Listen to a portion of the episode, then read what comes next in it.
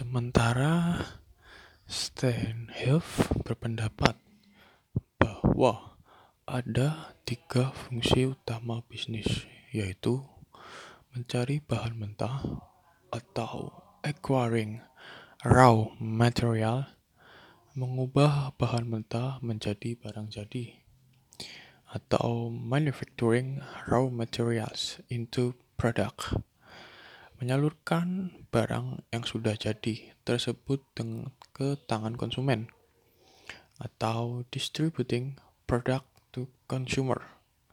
Seperti pada pengertian bisnis, bisnis itu dilakukan oleh perorangan, sekelompok orang, atau organisasi.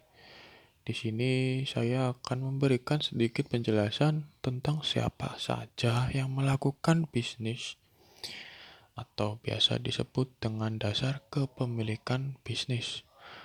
Umumnya, dasar kepemilikan mencakup